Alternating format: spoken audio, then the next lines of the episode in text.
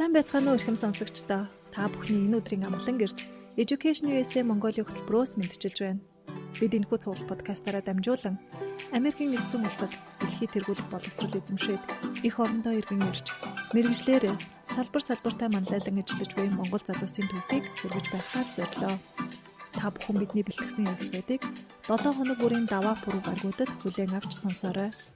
Манай өнөөдрийн зочноор Америкийн нэгдсэн улсын Флоридагийн технологийн их сургуулийн төгсөгч, МАСА буюу Америк төгсөгчдийн холбооны удирдах зөвлөлийн гишүүн Баясгалангийн амар өргөдөн оролцож байна. Бидний урилгыг хүлээн авч хүрэлцэн ирсэн танд маш их баярлалаа. Сонсогчдод маань та өөрийгөө дэлгэрэнгүй танилцуулахгүй юу? За намайг энэ подкастт дөрж оролцсон та бүхэнд бас баярлалаа. Би Америкийн нэгдсэн улсын Флорида мужийн технологийн одоо институт гэж ярьж байгаа энэ сургуулийг механик инженер мэргэжлээ төгссөн. Анхандаа нисхийн буюу aerospace инженерээр орчоод нэгдүгээр курсынхаа дараас шилжиж орсон байгаа механик инженер лүгэ.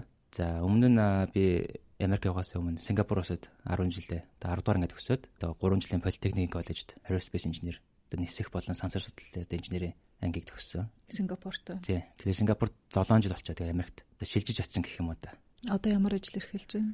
Одоо би төгсч ирчээд Улаанбаатар тал дээр ажиллаж байгаа нэг компанид Alliance Tech гэдэг эрчим хүчний барилга консалтын компанид анх механик инженерээр ороод тэгээд төслийн менежер одоо дэд захирал албаг хийж байна. А Америкт суралцахаар шийдэхэд хэн хэрхэн нөлөөлж байсан бэ? Яагаад Америк сурах шийдвэр гаргав? За би Сингапурт нэлээд удажчихсан тэгээ бас нэг арай өөр бас оронд сурах тийм хүсэлтэй болсон байсан л та. Тэгээд Америк Сингапурт энэ коллежид төгсөж ир Монголд ирэх тийм сонирхолч бас байсан. Тэгээд тухайд э, түрүү ярьсан бас Монголд ирчээд ажлын байрны олтод бас багтааг анзаараад ойлгоод тэр нь за Америк л ер нь бас нэг инженерийн сургуульд явт юм уу гэсэн тийм бодол төрсөн. Тэгээд тухайд э, Америкийн бас хэд хэдэн сургууль руу аплай хийгээд Тэгээ Европын бас нэг сургууль аплай хийгээд тэгээд яг хоёр сургууль дунжилсан. Нэг нь Шотландын нэг сургууль, нөгөөх нь одоо Florida Tech. За тэгээд тухайн үедээс яг aerospace engineer apply болчихсон байсан болохоор яг энэ салбартаа бол Америк нь илүү одоо илүү гэдэг хүн болно л мэднэ л те NASA тэгэл Boeing, тэг SpaceX гэдэг. Тийм болохоор ер нь за хоёр нь Америк л яваа гэсэн тийм шийдээр бас дотор гаргачихсан байсан. Тэгээд Florida ч өөрөө бас Space Center-тэй шүү дээ. Тийм харин тий одоо манай ясан сургуулийн хажууд бол яг Space Center-нүүд байсан. Cape Canaveral байдаг байсан. Тэгээд тухайд яг шийдээр хахаас манай аав ээж бас нэлээд нөлөөсөн болов гэж бодож байна л та. Тэгээд манай аав бол бас өөр инженер хүн.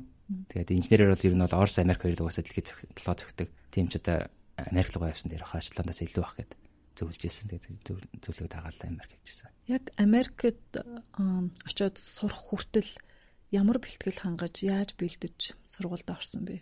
Саад бэрхшээл таван тулсан туршлагаас авалцвал. Аха. За би 10 дахь ангид э, Сингапурт политехникийн коллежид орж байхдаа ер нь энэ 3 жилийн коллежид төгсөж Монголд ирж ажиллана гэсэн бодолтой байсан. За тэгээд нэг ажлын байрны олдос байхдаа болохоор Америк гэдэг шийдвэр нэлээд тулгаж оройтж гарсан байхгүй энэ last minute decision болоод Тэгээд тэр үед ч бас нөгөө нэлээд ялан сургуулийн аппликейшн хугацаанд дуусчихсан. Тэгээд нэг жил дахиж хүлээх юм уу эсвэл бас одоо нэлээд хэцүү байсан л та тухайд тулцсан байсан. Тэгээд би ACT ч өгөөгүй байсан, TOEFL ч өгөөгүй байсан. Тэгээд тэр үедээ бас ойрын хугацаанд нь байгаа одоо өдрийн товлоод дөрвөн хугацаанд орж исэн. За тэгээд Сингапурын одоо коллежийн одоо диплом гарчихсан. Тэр үед. Тэр юм одоо ашиглаад Америкийн сургуулиуд руу apply хийгээд. Тэгээд SAT дээр бас SAT дээр асаадараас гайг өндөр наваад. Тэгээ тэр TOEFL, SAT тэгэл диплом гурвал байсан л та. Өөр яг цаг гаргаж SAT, TOEFL шалгалтуудад бэлдэжсэн үү? Хэр хугацаа шаардчихсан бэ? TOEFL-ийн хувьд л ер нь 2-7 хоногийн дотор шууд орж орж исэн. Бэлдээд орж исэн. Яг нь Сингапурт англи хэл дээр бүх юм ордог болохоор энэ харьцан гайг байсан. А SAT-ийн хувьд бол нэг сар хүрэхгүй хугацаа байсан л та. Тэгээ хоёлаа ер нь нэлээ ойрхон. Тэгээ SAT дээр манай тэр үеэл эсэдэг авчихсан би тестийн номыг аваад тэрийг л нэг нэг 7 оны турш нэг ирүүл шаарлж байгаа тэгэл ороод. Оноо авчихсан уу? Тийм авчихсан. Сургалтын төлбөрөөр хэрхэн санхүүжүүлчихсэн бэ? Сургалтын төлбөрөд маа сургуулаас бага хэмжээний тэтгэлэг олгож ирсэн. За тэгээд үлдсэн төлбөрийн одоо ажиллаж байгаа компаниас одоо ивент тэтгэлээр авч ирсэн. Тухайн үед одоо ажиллаж байгаа компанид ажиллаж байгаагүй шүү дээ. Төгсөж ирээд ажиллана гэсэн гэрээтэй. Гэрээтэй.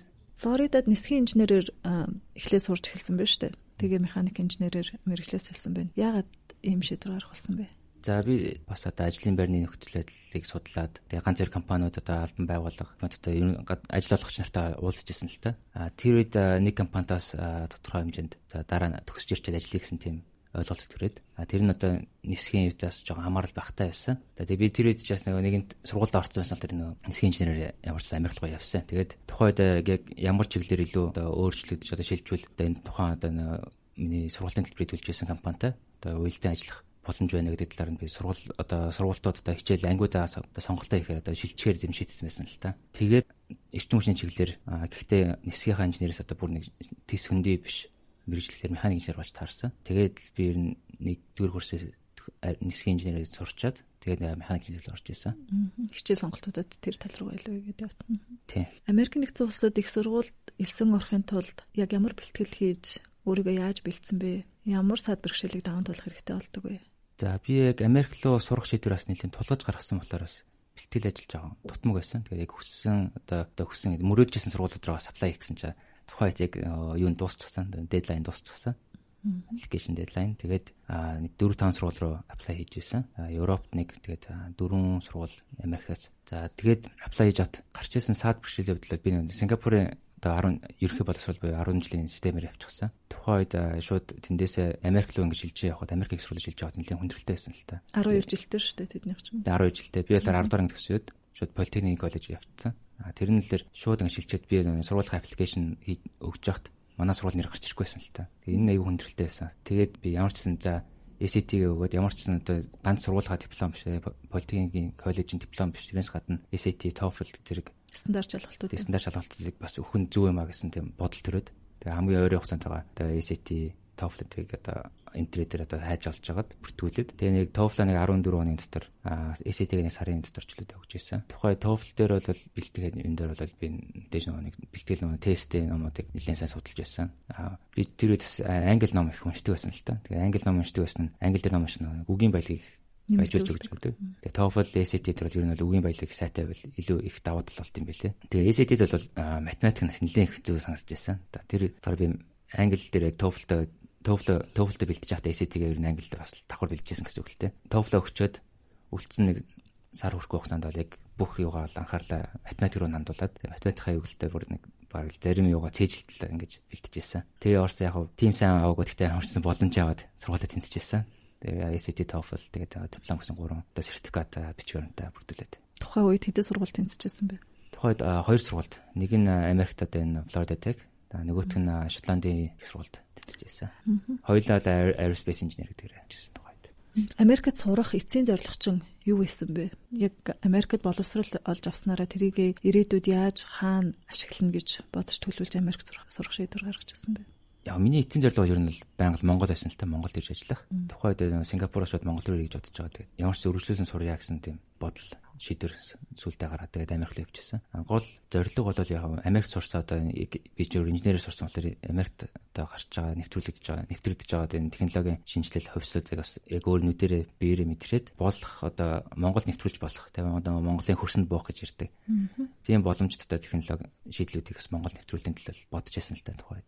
Одоо тэрийг хэрэгжүүлж чадчихэв үү Монголд ирээд? Ер нь бол одоо яг үнэхээр л нэг шанс гэх юм уу амжилтын одоо амжилтын хувь. Нэлээ олон төслүүдийг санаачлаад явсан. Тэгээд Монголд одоо бас буган зарим нь хийх цаа. Тэгээд ер нь нэг 10 төслөөс нэг 2 нь л нэг бүтгэр ах шиг болж байна л та. Тэр хавцаа 20% л амжилтын проценттай явж байна. Яагаад ямар шалтгаанаас болж юм байна гэж бод. Яг Америкт одоо ингээд том технологи одоо юунууд дээр Калифорни тэгэл Silicon Valley. Тийм. За Seattle тэгэл ер нь ингээ өмслийн хувьд бол Монголоос арай өөр. Яг Америкт байгаа технологи Монгол нэвтрүүлэх тэгэхээр яг нэг цаг өөрийн байдлаас л бас арай болдгоо. За Канадад байгаа технологи монголчууд буулгах гэхээр маш үнэтэй байдаг л та. Тэгээ яг Монголын эдийн засгийн хувьд ингээд үр ашиг багтай. Тийм л болж таар. Үндсэн одоо яг асуудлууд бол яг энэ дээр. Америкт сурч төгсөж ирээд одоо мэдсэн сурсан бүх мэдлэг, ур чадваруудаа Монголд хэрхэн яаж гаргаж байна, яаж зориулж байна, ямар ажлууд дээр одоо ажиллаж байна. За би төгсөж ирээд одоо ажиллаж байгаа компанид механик инженерээр орсон л та. Яг төгссөн мэрэгчлэрээ. А гэхдээ яг талбай инженер ч юм уу хийгээд явах тийм юу бол одоо байгааг сонирхолж байгаагүй. Компаниас бас миний ур чадварыг бас олж харсан баг л та. Нэг тэр нь бол инженер тэгээд менежмент гэсэн хоёрыг хослуулаа явах чадвартай байсан билээ. Би ч тухайд бас өөрөө анзаараг байсан. Тэгээд компаниас намайг тухайд хэрэгжүүлж компаниас хэрэгжүүлж эхэлчихсэн. Сэрээд хэрэгжүүлж төсөл рүү намайг оруулаад эхний хэлж яг бэлтгэл ажил хийжээ гэдэг механик инженерийн халдан шалаараа. Тэгээд удалгүй компанид ороод 7 сар боллоо. Тэгээд шууд намайг төсөл маань эхлэх болсон. Тэгээд төслийн менежер хэрэгтэй болоод намайг төслийн менежер томилж байсан. Энэ сэрээд хэрэгжүүлж хүчний одоо төсөл маань нарны станц л та. Нарны цахилгаан станц. Тэгээд нарны станцын талаар би бас тухайд бас ер нь мэдлэг аюу хомс. Тэгээ онлайн дээр нэг хичээл дээр сураад зав заагаараа орой гэртээ ирэл нэг edX-эр ч юм уу онлайн курсууд сураад нарны станцын талаар нарны эрчимчийн талаар тодорхой хэмжээний мэдлэгтэй болсон. Аа тэгээд үүнийг тэр тодорхой хэмжээний мэдлэгээ Америк сурсан одоо тэр инженерийн одоо боловсролтойгоо хослуулад уг төслөө бас удирдах явах чадвартай болсон л тоо. Америкт сурж байхдаа ганц онол гэхээс илүү бас олон олон төслүүдийг одоо инженерүүдэд инженерийн одоо оюутууд хамруулдаг. Би чинь 4 жил сурахдаа ер нь 4 5 төсөлд орсон. Аа сүүлийн төгсөх ангийн одоо дипломын ажил гэж ярьдаг шүү дээ монголоор. Тэрэн дээр 5 6 оюутан бид нэг баг болоод тэг нэг жил хагас 2 жилийн хугацаанд нэг төсөл хэрэгжүүлж байсан. Тэр төслийн одоо үйл явцын хугацаанд төслийн менежменттэй талаас би тодорхой хэмжээний одоо практик тийм мэдлэгтэй болсон л та. Тэр мэдлэгээс одоо энэ яг ажил дээр карьертаа бас шууд ингэж хэрэгжүүлэх боломж авсан. Ямар зорилготой юу хийжсэн төсөл үү? Америкт тэр нэлээд олон сонголтууд өгдөө сургуулаасаа. Одоо зарим нь шууд NASA-гийн төслөөр ордог. Тэгээ би нэг гадаад оюутан болохоор ерөөсөө их боломж байхгүй NASA ч Америкийн тусгай объекттэй болохоор. Тэгээд хэд хэдэн сонголтоос би яг нэг юм сонгоцсон байсан. Тэр нь л нэг humanitarian outreach гэдэг одоо нэг сайн үлийн тэмдэглэл байсан. Тэр нь механик инженер одоо инженерийн хувьд дэлхийн одоо энэ чинь нэг third world country гэдэг ашиг ер нь жоохон хөгжиж буй орны одоо хүмүүст ард иргэдэд одоо өдрөөр тулгамдж буй асуудлыг шийдэх нэг төсөл байсан л та. Тэгээ тэр нэг яг юу хэн тодорхой заагаагүй бид нар өөрсдөө бодох хэрэгтэй.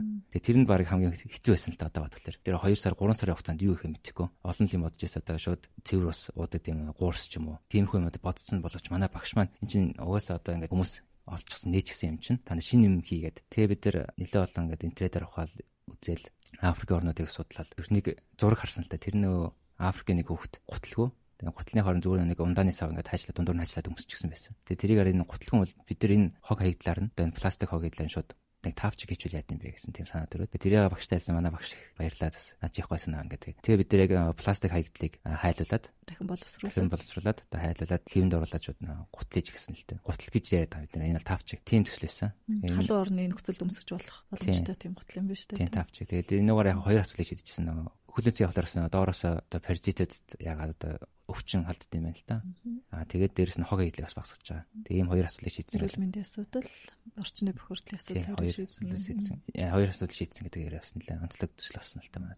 Яг Америкт сурж байхад инженерээр сурж байгаа оюутнууд зөвхөн инженер технологи, техникийн асуудлуудад төвлөрөх биш. Яг одоо чиний хэлж байгаа шиг ингээд төсөл өөрөө санаачлаа, төслөө бичээд, дизайн хийгээд хэрэгжүүлээд яг менежментийн ур чадварт бас давхар сургаад явж байгаа шиг харагддаг. Тэгээ тэр нь эргээд бас амьдрал дээр гараад инженерийн ажилтайгаа давхар уялдуулаад төслийн менежмент хийгээд явход бас давуу тал болгодог байх тийм үү? Тий. Тэр бол яг үнэн л дээ. Би одоо ингээ 2 жил онл сураад яг сүүлийн 3 4 дээр одоо курстаас онл сурсан. Гэхдээ хамгийн их юм мэдсэн одоо юу бол энэ төсөлтэй. Сүүлийн одоо төгсөх ангийн төсөлтөд 2 жилийн хугацаанд үргэлжлсэн төсөл дээрээс хамгийн их мэдлэг ур чадварыг бас олж эзэмшсэн. Тэгээ энэ дээрээс ганц онлоос хагаад одоо төслөө яаж авч явах вэ? Яаж зохион байгуулах вэ? За тэгээ нөө зардлаа яаж хянах уу, танах уу? Гэх мэт одоо энэ бол яг карьерт бол аюу хэрэгтэй юм байлээ би ч бас тухайн үедээ сурчаад тэгээд одоо яг ажилд ороод ажлын бэрэн дээр ингээ ажиллаа явахад энэ энэ ур чадвар маш их одоо тусалдаг. Тэгээ би одоо ингээ заримдаа хэрэгтэй үедээ нөгөө хуучин одоо нэг файлуудаа үзэл нэг энэ төсөл дээр хийж исэн. Зарим нь бичиг баримт тэр хараа тэрээс ажил дээр нэвтрүүлэл явдаг. Энэ бас айгүй давуу тал болдог. Америкт сурч ирсэн үеийнхаа дурсамжаас бидэртэй хуваалцаж хамгийн баяртай мөч аль эсвэл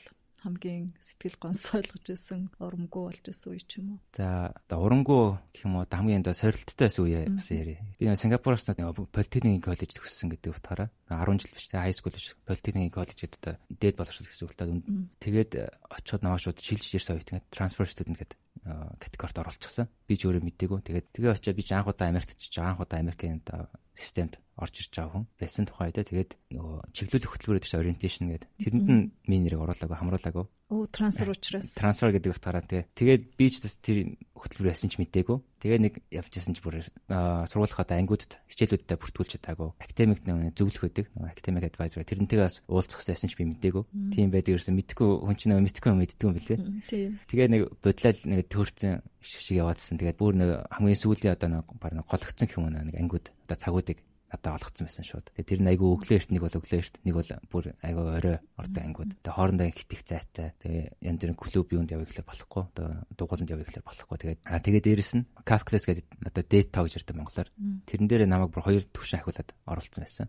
Миний орох төвшин болохоор дүү ангин дүүрцэн гэд. Тэгээ намайг за гайгүй л гээд оруулсан. Тэгээ би тэрэн дээр мэдхгүй хичээлээ бас нэлээд чанга байсан л тухайд. Тэгээ хичээлээ хийгээл тэгээс яг өмнөх бас нөгөө нэг сурах өмнөх одоо төвшнийхээ сурах чигээ сарж байгаа л хоёр баг хичээл зэрэг үзчихсэн л та. Тэгээд багш маань бас зочин багш сүүлдүүлсэн анги талаар гаднаас нөгөө багш нь хөрөлцөхгүйс юм байсан би сайн мэдээгүй. Тэгээд ажлын сургуулийн одоо өөр сургуулийн багшийг өрж авчираад тэгээд 7 хоногт 3 доор хичээлийг 2 доор оруулж ирсэн. Тэгээд хичээлээсээ гадуур нөгөө багштайгаас уулзах гэхээр багш маань сургууль дээр байрладаг бол тэр бас аюу хүндрэлтэй байсан л та. Тэгээд хичээл нэрчимтэй програмаар явахаар.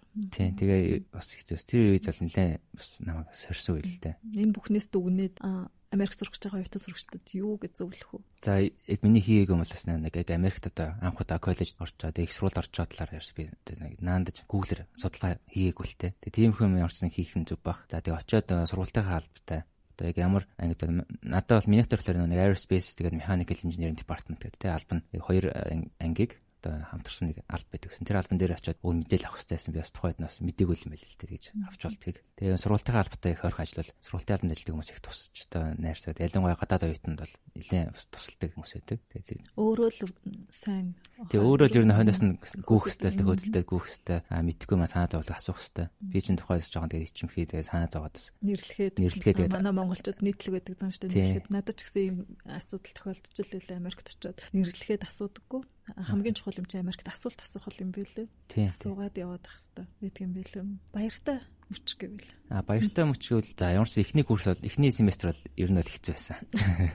За тэгээ хоёрдугаар семестр тэгээ гуравдугаар семестр хоёрдугаар курсээс бол бүр нэлээд чигдрээд байсан. Бодолжсэн асуудал байхгүй болсон. За хичээлүүдээ яг өөрөө одоо сонголтоороо сонгоод хоорондын зайг нэг гой тохируулад тэгээ тэр хооронд одоо 1 цаг 2 цагийн цаанд яг хичээлээ тавтаа дараагийн хичээлдээ бэлдээд орох хичээлээ илүү сайн ойлгодог. Орой одоо клубүүдээ үйл ажиллагаа тэгээ одоо би спорт дуртайтай. Тэгээд бадминтон агаарын теннис хөлбөмбөгийн клубс хоёр клубт идэвхтэй оролцдог байсан. 7-ны 4 өдөр бэлтгэлтэй гэх юм уу та. Тэгээд хагас амцанд тоглолттой ч гэдэм юм. Тэгээд э, яг л илүү өөрийгөө завгүй, завгүй бол хичээлээ хийнгээ яг спортоор стрессээ тайлцдаг бол их одоо сэтгэл хангалуун кайфтай байт юм билээ. Би ер нь бол тэр нэрээ маш чухал байх шүү. Гэрээсээ хол маш тийм агсан төвшний академик сургалтанд сурж байгаа оюутнуудад хамгийн түгээмэл тохиолддог зүйл бол мэдрэлийн ядаргаанд орох, стресст орох, тэр даамжраад бүр сэтгэл готролд орох тохиолдолч байдаг. А спорт яг тэр бүхнээс сэргийлэх айгуу тэм чухал арга зам гэж зөвлөдөг юм байлээ. Тийм, тийм бах. Би ч бас эхний семестрээс ярьжсэн хэцүү байсан л та хичээлээ хийгэлдэг зав заа гарахгүй. Тэгээ тэр үед бол нэлээд стрессч нэрвчжсэн бас хэцүүлээд байсан. Тэгээ ягаад ч энэ цаана салдгийн тавчтаал байдаг та. Тэгээд спортер хичээлээд ихсэн чинь шал өөр болсон л та. Тэгээд стресс бол тайлгдсан байлээ. Мэдээж тэгээд сургуулаа төгсөхөд бол бас айгуу сайхан хүчээсэн л та. Сайхан хүчээс хуваалцвал нөгөө 2 жил үргэлжлэн төсөлмөөс амжилттай хэрэгжээд ямар ч эцсийн бүтээгтэн гаргаад нөгөөтөөс өмсч болдог. Бид ч бас нөгөө төсөлөө танилцуулалтаа өдөр өмсцэн тэгэл тавч өмсч явжсан.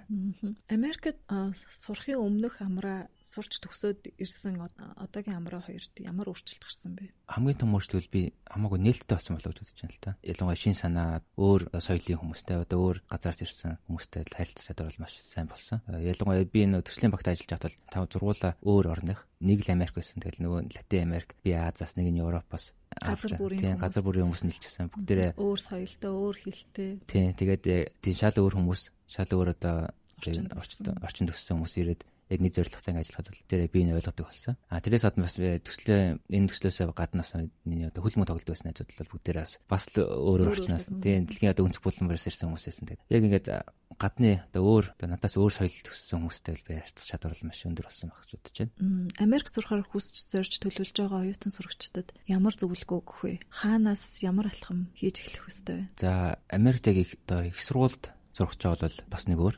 Хай скулд сурах чаа бол бас нэг өөр та. Тэгээ би Америк сурч удаа манай дүү бас надад ирж ирсэн хай скулд. Тэр бас хай скулын талаар одоо бас яаж явах бас тодорхой хэмжээний мэдээлэлтэй. За Монгол дээр тасаа ингээ үзэхэд high school одоо нэг юу явах нэг student exchange гэдэг ааш оюутан соёлтой тэр их зүгээр санагдсан. Одоо Монголд нэг flex гэдэг байлаа. Flex Монгол тий тэр угаар пэйж явцаар гараад мэдээлэл авч болох байх. А их сургуулийн хувьд бол одоо Америк төгстэй холбооноос одоо хэрэгжүүлж байгаа төрийн Америкийн төрийн санхүүжилтээр хэрэгжүүлж байгаа Education USA хөтөлбөр маань байгаа. Бас очиад зөвлөгөө авч болно. А миний хувийн одоо зүгээс л зөвлөгөө гэвэл одоо зөвлөх юм бол Америкт сурах хүсэлтэй байгаа залуучууд одоо оюутан сурагчид маань яг ямар мэрэгчлээ сурахаас нэг тодорхой хэмжээний нэг баримжаатай байх нь зөв болов гэж бодож байна. Ямар ч бас одоо нэг баримжаатай а тэр мэрэгжлийнхаа одоо үндсэн одоо суурь юм одоо баримжаанд үндэслээ тэр сургуулаа сонгох нь илүү зөв болов гэж бодож байна. За түүнээс гадна мэдээж сургуулийн одоо нэр хүнд сургуулийн соёл гэх юм уу те гадаад оюутны хэрэг байдаг нэ сургуулийн одоо оюутны демограф гэж ярьдаг гадаад оюутны харилцаа харилцаа процент те за өөр одоо юу сургуулийн одоо нэг дундч үнэлгээч гэдэм үү тийм хөө мэдээллүүдийг бас интернетээр олоод авч болох байх. А түүнээсээ гадна тухайн сургуулийн одоо байрлах хот мож бүс нутгийн талаар бас мэдээлэл бас олж авах зүг болов гэж бодож байна л та. А яагаад тэгэхээр одоо мэдээж одоо хүн болно л дээ өртөг багтаа газар амьдрахыг хүснэ. Өртөг багтаа байлаа гэж зарим хотод бол дид бүтцэн илүү муу хөгжсөн байдаг л та. Тэрнээс ажилталаад одоо нийтийн тээвэр байхгүй ч юм уу. А нийтийн тээвэр нь бүр цагт нэг удаа ч юм уу айгу ховор явдаг. Тийм бас хотод байдаг. Тийм байх юм бол сургуультай явах ч юм уу эсвэл дэлгүүр орох гэл нэг зорчих. Болтой заавал такси юм уу, Uber юм уу. За бүр цаашаа машин авах шаардлага гарч магадгүй л дээ. Тэгэхээр амьдралын өртөг бага байсан ч гэсэн бусад өртгүүднээс илүү одоо өндөр байж магадгүй. Тэгэхээр тэр бол нэг одоо бүх талаас нь тооцоолж үзээд тэгээ сургуулаа сонгох, одоо хотоо сонгох нь илүү зөв болов гэж бодож байна. Чиний хувьд болохоор нисгийн инженерээр сурч байсан болохоор хажуудаа яг Space Center-тэй мууч хотыг сонгож сургуулаа сонгож орсон байна шүү дээ. Тэгэхээр тэр тэр бүх зүйл бас их нөлөөлдөг баг тий. Тий. Би одоо яг өөрөө жишээн дээр ярихад би ч инженерээр сурчсан болохоор инженерийн энэ чиглэлээр лаборатори судалгаа явуулдаг тийм сургууль байвал илүү тийм цаашдын карьерт ч тэ сурах хавцтай ямар нэгэн багшийн одоо судалгаанд хамрагдаад ч юм уу явах боломж бас гардаг болохоор судалгааны одоо тийм баазтай тийм сургуульд орох нь илүү бас э, сайн л та. Тэгээ тэрийг тэр талаараа ч мэдээж судлах нь одоо зөв МАСА буюу Америк төгсөгчдийн холбооны удирдах зөвлөлийн гишүүнээр одоо ажиллаж байгаа шүү дээ. Яагаад заавал МАСАг сонгож орох болсон бэ? Би МАСАгийн талаар би яг анх бүр одоо энэ манахаас өмнөхийн өмнөх одоо удирдах зөвлөлөөс нэг батлог авах маань би ажлын шугамар танилцж байсан. Тэгээ надаас би ч Америкээс дөнгөж төгсөж ирчээд байжсэн. Тэгээд хойд надад хэлчихсэн чи МАСАдас орвол их зүгээрээ. Ягаад тэгэхээр дараагийн одоо залуу үед одоо ягаад Америклоо сурах хэрэгтэй гэж ойлгуулж өгдөг. Мэргэжил сонголтын дээр залуу үедээ бас зөв одоо зөвлөгөө өгөх юм бол бид бид бүгдээд л хэрэгтэй гэсэн тиймэрхүү ойлголт надад төрүүлжсэн. А тэгээд би масаг одоо өмнө бол бараг л сонсож байгааг үлтэй би бас гадаа залан жил амьдэрсэн болохоор мэдээлэл байхгүй байсан. А тэгээд тэр батлог зөвхөлтэй танилцаад энэ тухай сонсчоод би талаар нэлийн Google-ээр ч хайж үзсэн, Facebook-оор ч хайж үзсэн. Тэгээд хэрэгжүүлж төслүүдээс нь хараад одоо энэ rural outreach мэрэгжил сонголт залуучуудад мэрэгжил сонгох тал дээр зөвлөгөө өгөх үйлчлэг надад илүү ойр санагдсан л та. Би нэг хийж чадах юм шиг санагдсан. Тэр утгаар би масаар орсон л та. Орох хүсэлтэй болсон. Масад удирдах зөвлөлийн гишүүнээр ажиллаж байгаа хугацаанд хийж хэрэгжүүлэхээр төлөвлөж байгаа төсөл хөтөлбөр санал санаачлага байна уу? Энэ rural outreach гэдэг програмд оролцоороо болсон байгаа. Энэ аслагдсан хөдөө хөдөө орон нутагт байгаа одоо 10 жилийн ерхий боловсролын сургуулийн оюутан сурагчдад мэрэгжлээ сонгох тал дээр зөвлөгөө өгөх тийм төсөл хэрэгж уг нь хэрэгжиж байх байсан. Тэгээд өнөөдөр тархаад байгаа нэг ковид 19-с л тодорхой хугацаар хойшлогдсон байгаа. За энэ төслөөл оролцоор байгаа. За цаашдаа яг одоо ажлынхаа одоо шугамартай эрчим хүчний салбарын мэрэгчлүүдтэй төрөөмөс байгууллага холбооттой бас хамтраад тэмцээн уралдаан бас зохион байгуулахаар бас нэг ярилцж байгаа. Эндээ би бас масаг оролцуулаад одоо энэ оюутан залуучуудад илүү хүрэх юм болоо гэсэн тийм бодолтой байгаа. Тэрийг бас одоо санаачлах болно бодохгүй. Чиний сурч байсан сургуульд хөгжлийн бэрхшээлтэй оюутнуудыг сургах дэд бүтцийг хэр бүрдүүлж бодлогыг бодлого нь ямар байдлаар явж хэрэгжижсэн бэ? Хөгжлийн бэрхшээлтэй оюутан сурагчдыг боловсрол тэгш хамруулах нөхцөл байдал нь ямар шуухан байсан бэ? За намайг сурч байх хугацаанд бол нас ганц хоёр ангид яг тэрэгэн тэртээ одоо оюутан хөгжлийн машин тэгээд оюутан сурдаг байсан л та. Тэр оюутнууд болохоор яг манай сургуулийн одоо бүх сургалтын одоо байр юм уу да тий. Сургалтын байр за номын сан, кантин, за спорт зал бол бүгдээрээ нэг удирдлагатай халахтай. Гаднаас нэг конфетаар хаална годог. Бүгд лифттэй. Тэрнээс гадна шаардлагатай одоо оюутнуудад тэг хэрэгцээтэй оюутнуудад болохоор манай сургуулийн campus security нэг харуул хамгаалалтын албаныхан golf-ийн машинаар хөрөж өгдөг гэсэн л да хөрөж авдаг. Яг хичээл хана хуваар хандаагаа байгаа газар очиод хүссэн газарт нь хөрөж өгдөг. Тийм яг арга хэмжээ авдаг байсан. Миний яг харснаар бол тэрнээс гаднаас манай сургууль одоо Florida Tech AHED гэдэг Association of Higher Education and Disability гэдэг яг өндөр боловсрол болон дээд боловсрол болон одоо бэрхшээлтэй иргэдийн одоо тийм холбооны гишүүн юм билээ. Би ч бас тухайд бас мэдээг байсан. Тэгээд түүний хадаа бас одоо яг хэрэгцээтэй оюутнуудад зориулсан тийм яг яг ингэн тэгнэ гэсэн байхгүй хэрэгцээтэй оюутнуудад шаардлагатай туслалцааг нөхцөлнө гэсэн тийм бодлогыг баримталдаг. Харааны бэрхшээлтэй, сонсголын бэрхшээлтэй гэдгээс үл хамааран ямар хэрэгцээ шаардлага үүсэн тэрэнд нь тийм яг кейсээр нь болоод яг ямар хэрэгцээ шаардлага нь түнд нь нийцүүлж одоо арга хэмжээ авдаг. Одоо боловсрол болох үйл ажиллагааг зохион байгуулах нь тийм үү? Тий. Одоо кампус дээр дотор байрыг төвцүүлэх ч юм уу тэг өөрт нь хэрэгцээтэй одоо бүх шаардлага арга хэмжээг авдаг. Яг Америк явахаар төлөвлөсөн байгаа альсвал сургуультай тэнцээд явах бэлтгэлээ хангаж байгаа оюутнуудад хандаад захиж хэлэх үг байна уу танд? Миний хувьд Америкт анх удаа очиж байхдаа Florida Tech сургуульд очичоод тэгээд би шууд гадаад оюутны одоо нэг сургалтын алба гэх юм уу да. Офис руу шууд мэйл хийчихэд очиж жуулж исэн бас. А Монгол оюутны энэ сургууль өөр байна уу? Надаас өөр байна уу гэдэг. Тэгээ тухайд нэг залуу байсан. Тухайд оюутан байсан. Тэгээд бид тэр яг нэгдүгээр курстэй хамт ирсэн байсан тухайд. Тэгээ тэрнтэйгээ бас уулзаж ярилцаад танилцаад харамслан манай бас удалгүй доктор баримс гараад тустай амьдэрдэг болсон л та. Тэгээд бид дээр бас нэг уулзаа болсон. Түүний дараа дараа семестрээс нэрэн хоёр залуу хоёр дүү хоёртой ирж исэн. Тэгээ бид дурч яг нэг сургууль дээр бол яг Монголын одоо юу болчихж байгаа байхгүй одоо нэг төлөөлөлтэй соёлыг түгээгч гэх юм уу да барыг. А тэр утгаараа бидээс спортоор хичээлд байсан гурлаа.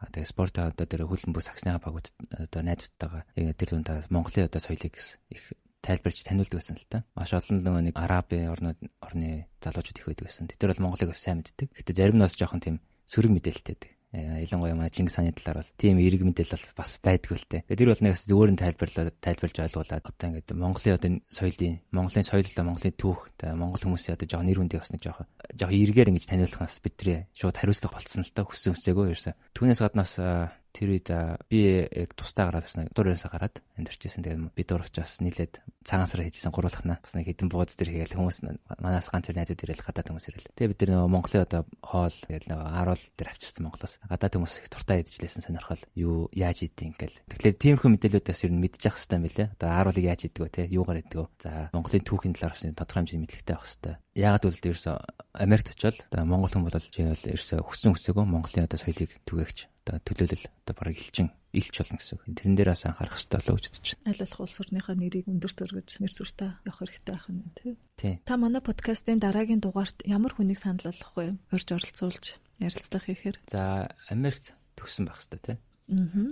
За Америкт төгссөн яг санал болгохоор бол миний хоёр хүн байна хоёр хүн ижлэх ба. Болдгоо яах вэ? А нэг нь Монголд ирээд би бас танил найз болсон нэг залуу байгаа. Батхүү гэдэг. Дашнамын Батхүү. За Батхүүгийн хувьд 10 жилээ одоо ерөнхий боловсролоо юу Америкт төгссөн. High school exchange-ээр яваад, оюутан солилцоор яваад тэгээд болмоор тэндээ community college-д ороод Тэгээд эндээсээ гих сургууль руу университет рүү ороод аа тэгээд бас тодорхой хэмжээнд Америкт ажиллаж агаад тэгээд Монголд ирсэн. Одоо гадаад байгууллагад одоо олон улсын корпорацид Монголын одоо салбарт нь ажилладаг. Аа тэгэхээр Монголд сурсан, Америкт сурсан, Монголд ажилласан, Америкт ажилласан болохоор боловсролын талаас тэгээд боловсролын системийн зөрүү а мөн ажлын байрны одоо зөрүү гэх юм уу те Америк Монголын ялгаа ялгаа зөрүү ярьж чадах болов уу гэж бодож байна.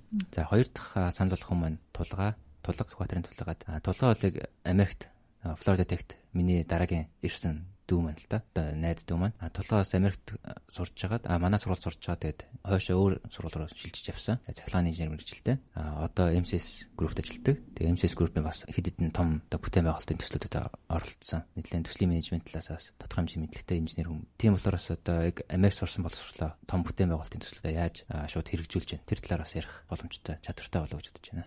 За танд маш их баярлалаа. За баярлалаа. Америкийн нэгдсэн улсын засгийн газраас санхүүжүүлдэг Education USA Mongolia хөтөлбөрийн хэрэгжүүлэгчээр Монгол дахь Америк төгсөгчдийн холбоо ажиллаж байна. Та Америкт ихтэй сургуульд хэрхэн суралцах тухай цогц үнэн зөв мэдээллийг үн төлбөргүй авахыг хүсвэл Education USA Mongolia хөтөлбөрийн боловсролын зөвлөгөөдөд хандаарай.